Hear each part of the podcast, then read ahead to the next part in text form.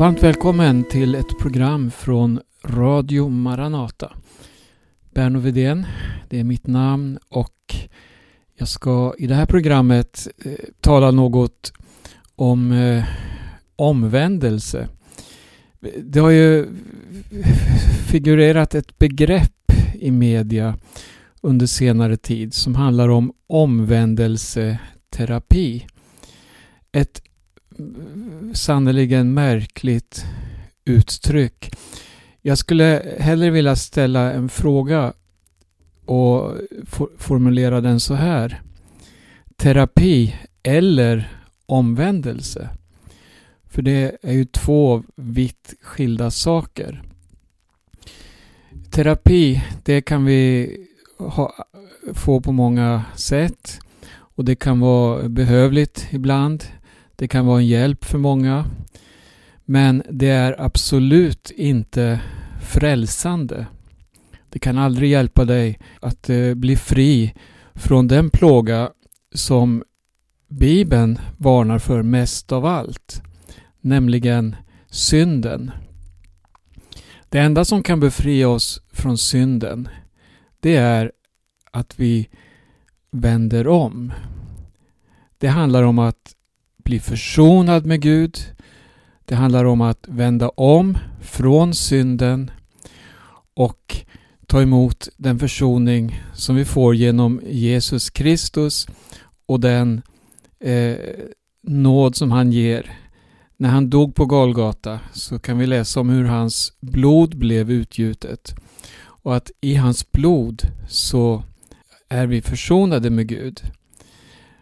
Och Det handlar alltså om omvändelse. Det här kan man bolla med, leka med eller på olika sätt försöka anpassa till eh, våra dagar. Anpassa till ett modernt tänkesätt, till humanismen, till liberalismen och, och så vidare.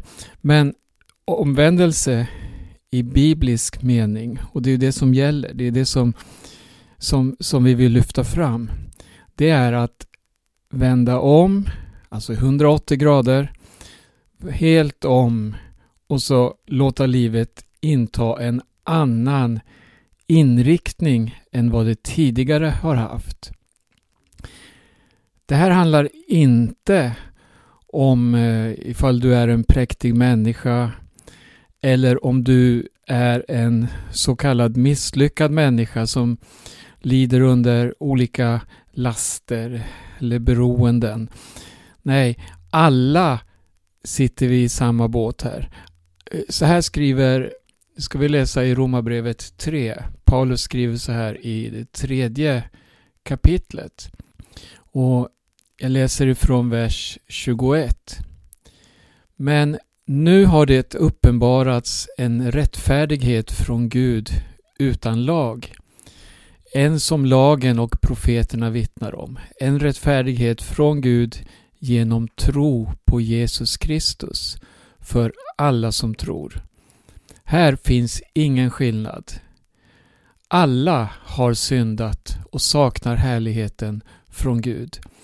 Och det förklaras rättfärdiga som en gåva av hans nåd därför att de är friköpta av Kristus Jesus. Det här är alltså ur Romarbrevet. Läs det. Läs hela sammanhanget. Men här står det klart och tydligt alla människor har syndat. Alla saknar härligheten från Gud. Och det finns bara ett sätt att bli fri från den här bördan, att bli fri från det här oket som ligger över varje människa. Det är nämligen att vända om och säga ja till Jesus och få sin synd försonad. Att bli förlåten. Och nu, nu, nu kommer vi in på eh, lite, Eh, vad ska vi säga, minerad mark eller det, det börjar bli känsligt för att det här eh, säger man idag att det är att diskriminera människor. Att påstå att någon är en syndare. Att påstå att någon behöver vända om, ja det är att lägga något på den människan som kan vara diskriminerande enligt världens sätt att se på det hela. Och Det här är oerhört farligt. Vi ser hur man inom kristenheten idag håller på att eh, värderar värdera om Bibelns budskap. Det, och här, och här, nu kommer jag in på områden så, som handlar om vår samlevnad. Bibeln säger så här.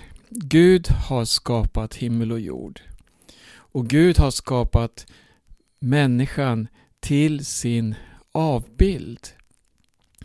Till man och kvinna skapade han dem.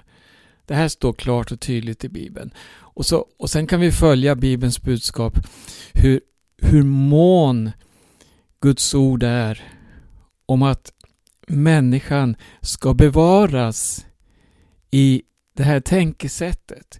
Bevaras i de här värderingarna, i det som Gud har lagt ner i varje människa. Eh, en, en sak som också är tydlig i Bibeln, det, det är just eh, när det handlar om omvändelsen. Det är att eh, det, det, är inget människoverk egentligen, utan det är Gud som söker människan. Och Vi kan läsa i Apostlagärningarna eh, när församlingen började att eh, arbeta offentligt. Och Då hade man först varit i bön i den övre salen. Man väntade där på ett löfte som Jesus hade talat om. Ni ska bli döpta i helig ande. Och sen på pingstdagen så var det som ett dån och tungor såsom av eld satte sig på var och en av de som var församlade. Och de blev alla döpta i helig ande. De började tala i tungor, de fick en helt ny frimodighet. Och från den stunden så kan vi läsa om hur församlingen började förkunna evangelium, först då i Jerusalem. Vad blev resultatet? Ja, budskapet det var klart och tydligt. Det handlade om Jesus som hade blivit korsfäst. Men det handlar också om vad denna korsfästelse innebär. Vad det pris Jesus betalade för med sig. Det, det leder till befrielse från synden. Men innan dess, hör här. Det här leder också till att människan som lyssnar antingen förhärdar hon sig och säger att det här vill jag inte ha, det här vill jag inte vara med om och det här tror jag inte på. Eller också leder det till att man hamnar i syndanöd. Alltså man får nöd över sin egen situation. Och det här, när vi läser om det som hände i Jerusalem så står det att det, det var fromma judiska män. Det var alltså fint folk. Det var sådana som var respekterade och så vidare. Men man hade nu fått möta evangelium och blivit överbevisad genom den helige Andes kraft att man var syndare. Så vad, vad gjorde man? Jo, man, man ställde en fråga. Man fick ett styng i sina hjärtan. Och så ställde man en fråga. Vad ska vi göra? Och så kom budskapet. Omvänd er. Låt alla döpa er i Jesu Kristi namn och så vidare. Det, det, finns ingen annan väg för någon. Omvändelse är att bli befriad från synd och sedan börja ett nytt liv. Ett annat ord som Bibeln använder det är att vi är pånyttfödda. Vi är alltså nya skapelser i Herren Jesus Kristus.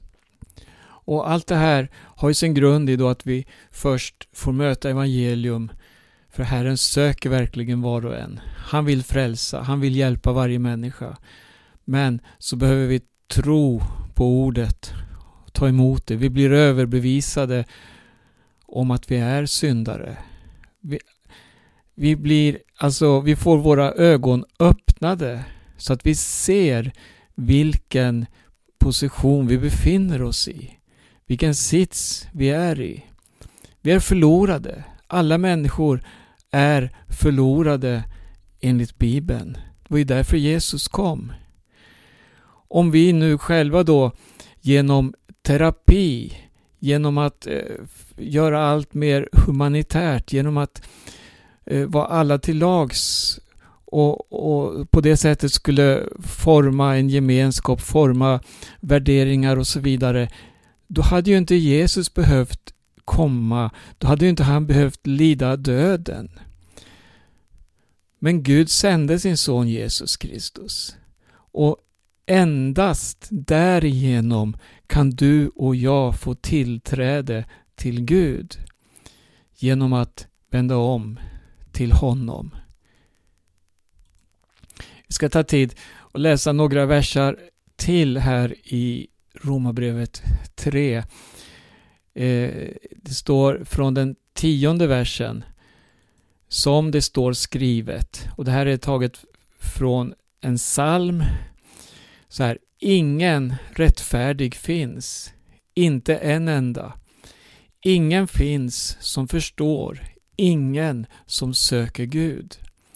Alla har avfallit, alla är fördärvade. Ingen finns som gör det goda, inte en enda.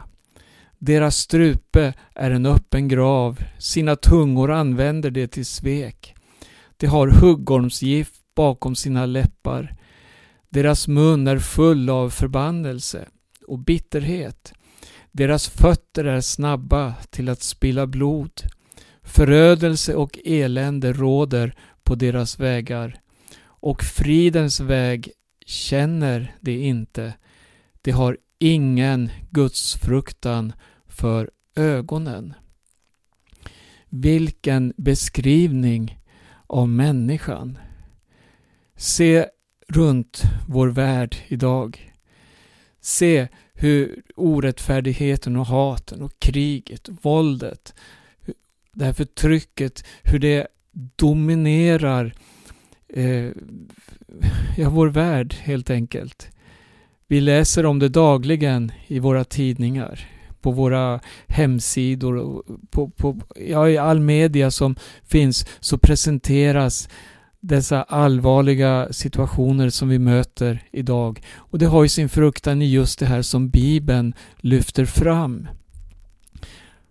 Bibeln förklarar för oss att det finns inget gott i människan. Men Gud älskar varje människa. Gud älskar och vill verkligen att varje människa ska få uppleva fridens väg. Här står det, vi läste just fridens väg känner det inte. Hur ska vi gå tillväga?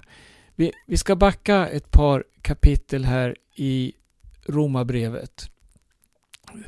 Så står det i det första kapitlet att evangelium vi läser från 16 versen så här. Det är en Guds kraft till frälsning för var och en som tror. Det, det, här, är, det här är ett väldigt viktigt eh, uttryck. Evangelium är inte en, eh, om, alltså en anpassning eller en reformation eller en frukt av ett terapeutiskt arbete eller av att någon ja, förändrar sig och får en annan människosyn, kanske börjar tänka mer demokratiskt eller tvärtom. Evangelium är inte likvärdigt med alla dessa ting som vi ser inom politik, inom kultur och så vidare. Nej, evangelium är och förblir en Guds kraft till frälsning. Och varför är det så viktigt? Jo, för att den enda som kan frälsa oss är Gud. Det är han som kan lyfta oss upp och befria oss från synden. Det var Jesus som bar all synd i sin kropp upp på korsets trä. Och det är därigenom vi kan bli frälsta. Det är alltså en Guds kraft. Han vann seger över döden, han vann seger över synden. Vi läser, det är en Guds kraft till frälsning för var och en som tror. Juden först, men också greken. I evangeliet uppenbaras rättfärdighet från Gud. Av tro till tro, som det står skrivet. Den rättfärdige ska leva av tro. Sen när vi fortsätter texten så utvecklar Paulus här eh, och presenterar en väldigt svår situation. Han, han ger en analys. Han eh, visar hur kulturen ser ut, hur samhället är format och, och vad det är för underliggande krafter som styr människorna. Och de här verserna är också omdebatterade och man talar idag om att omtolka budskapet och så försöker man få in det i en historisk eh, eh ett, ett, historiskt tankesätt och hur, hur, man levde då, tänkte då och så vidare och säger att men det här kan vi inte föra över till våra dagar. Men faktum är att det står ingenting om det i texten här. Det här är en text som eh, ligger till grund för romarbrevet som är det mest gedigna läroverk som vi har i Bibeln. Alltså en grundlig förkunnelse, en grundlig undervisning om rättfärdiggörelse genom tro. Det är romarbrevet. Den har inte sitt like egentligen i, i hela Nya Testamentet. Och i den undervisningen så är också den här biten med som jag nu ska läsa. Det är från den artonde versen. Vi har precis läst här om Guds kraft till frälsning. Och, och tidigare läste vi om att ingen finns som är rättfärdig. Men ändå finns det en kraft. Det finns en Guds kraft som kan frälsa, som kan befria varje människa. Men det gäller att lyssna. Det gäller att ta emot budskapet. Det gäller att vända om. Vi läser från 18 versen. Guds vrede uppenbaras från himlen över all ogudaktighet och orättfärdighet hos människor som i orättfärdighet undertrycker sanningen. Det man kan veta om Gud är uppenbart bland dem eftersom Gud har uppenbarat det för dem. Ända från världens skapelse syns och uppfattas hans osynliga egenskaper, hans eviga makt och gudomliga natur genom det verk han har skapat. Därför är det utan ursäkt. Här, här, här möter vi då den här undervisningen om Guds vrede det står om ogudaktighet och orättfärdighet hos människor som undertrycker sanningen. Och det står här också att man, vet. Man vet vad som är rätt och fel. För Gud har uppenbarat det för dem. Och så hänvisas till skapelsen. Se den ståtliga skapelsen där syns och uppfattas hans osynliga egenskaper, hans eviga makt och gudomliga natur. Och sen, därför är de utan ursäkt. Det här låter allvarligt. Det låter som en väg till förhärdelse. Det är också något Bibeln varnar för. Idag om du får höra Herrens röst, så förhärda inte ditt hjärta du, hjärtat du har fått, samvetet, hela din varelse, den är skapad av Gud med egenskaper som gör att du kan skilja mellan gott och ont. Som gör att du kan inse att Gud vill frälsa, Gud vill befria från synd. Och han överbevisar dig om att du är en syndare, att du behöver vända om. Inte för att förtrycka dig, nej, för att befria dig. För att frälsa. Vi läser vidare i vers 21.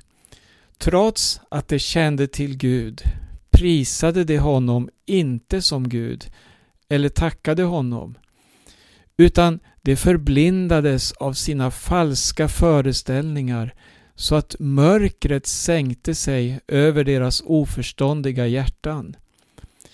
De påstod att de var visa, men de blev dårar och bytte ut den odödlige Gudens härlighet mot bilder av dödliga människor, av fåglar, fyrfota djur och kräldjur.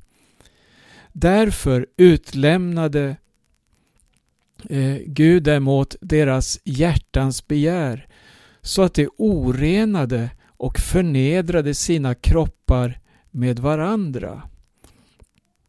Vi stannar till lite här också. Här, här, här skriver då Paulus om hur man trots att man kände till Gud, att man inte prisade och tackade honom. Utan man blev dårar och började istället att lyfta fram skapelsen. Bilder av dödliga människor, av fåglar, fyrfotadjur, kräldjur och så vidare. Och så står det, det är som ett straff här. Därför utlämnade Gud dem mot deras hjärtans begär så att de orenade och förnedrade sina kroppar med varandra. De bytte ut Guds sanning mot lögnen och dyrkade och tjänade det skapade istället för skaparen, han som är välsignad i evighet. Amen. Sen fortsätter han. Därför. Alltså det finns en konsekvens av handlandet.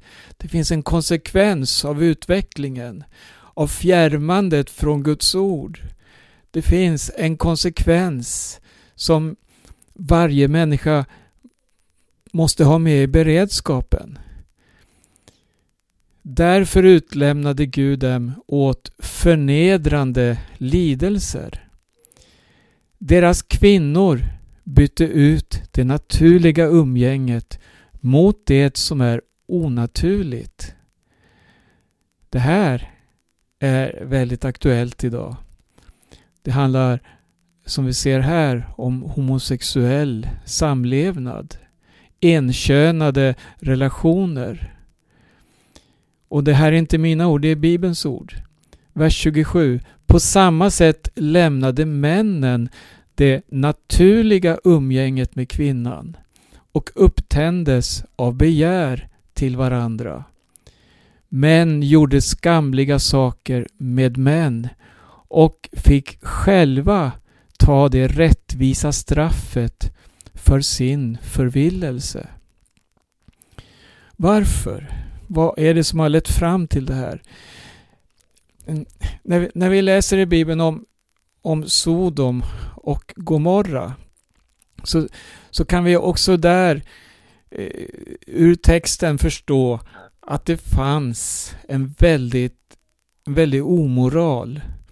Vi kan läsa hur stadens män, de ville eh, eh, våldföra sig på det himmelska besöket som hade tagit in hos Lot. De ville lära känna, eller om man ska översätta, de ville gå till sängs med de här männen.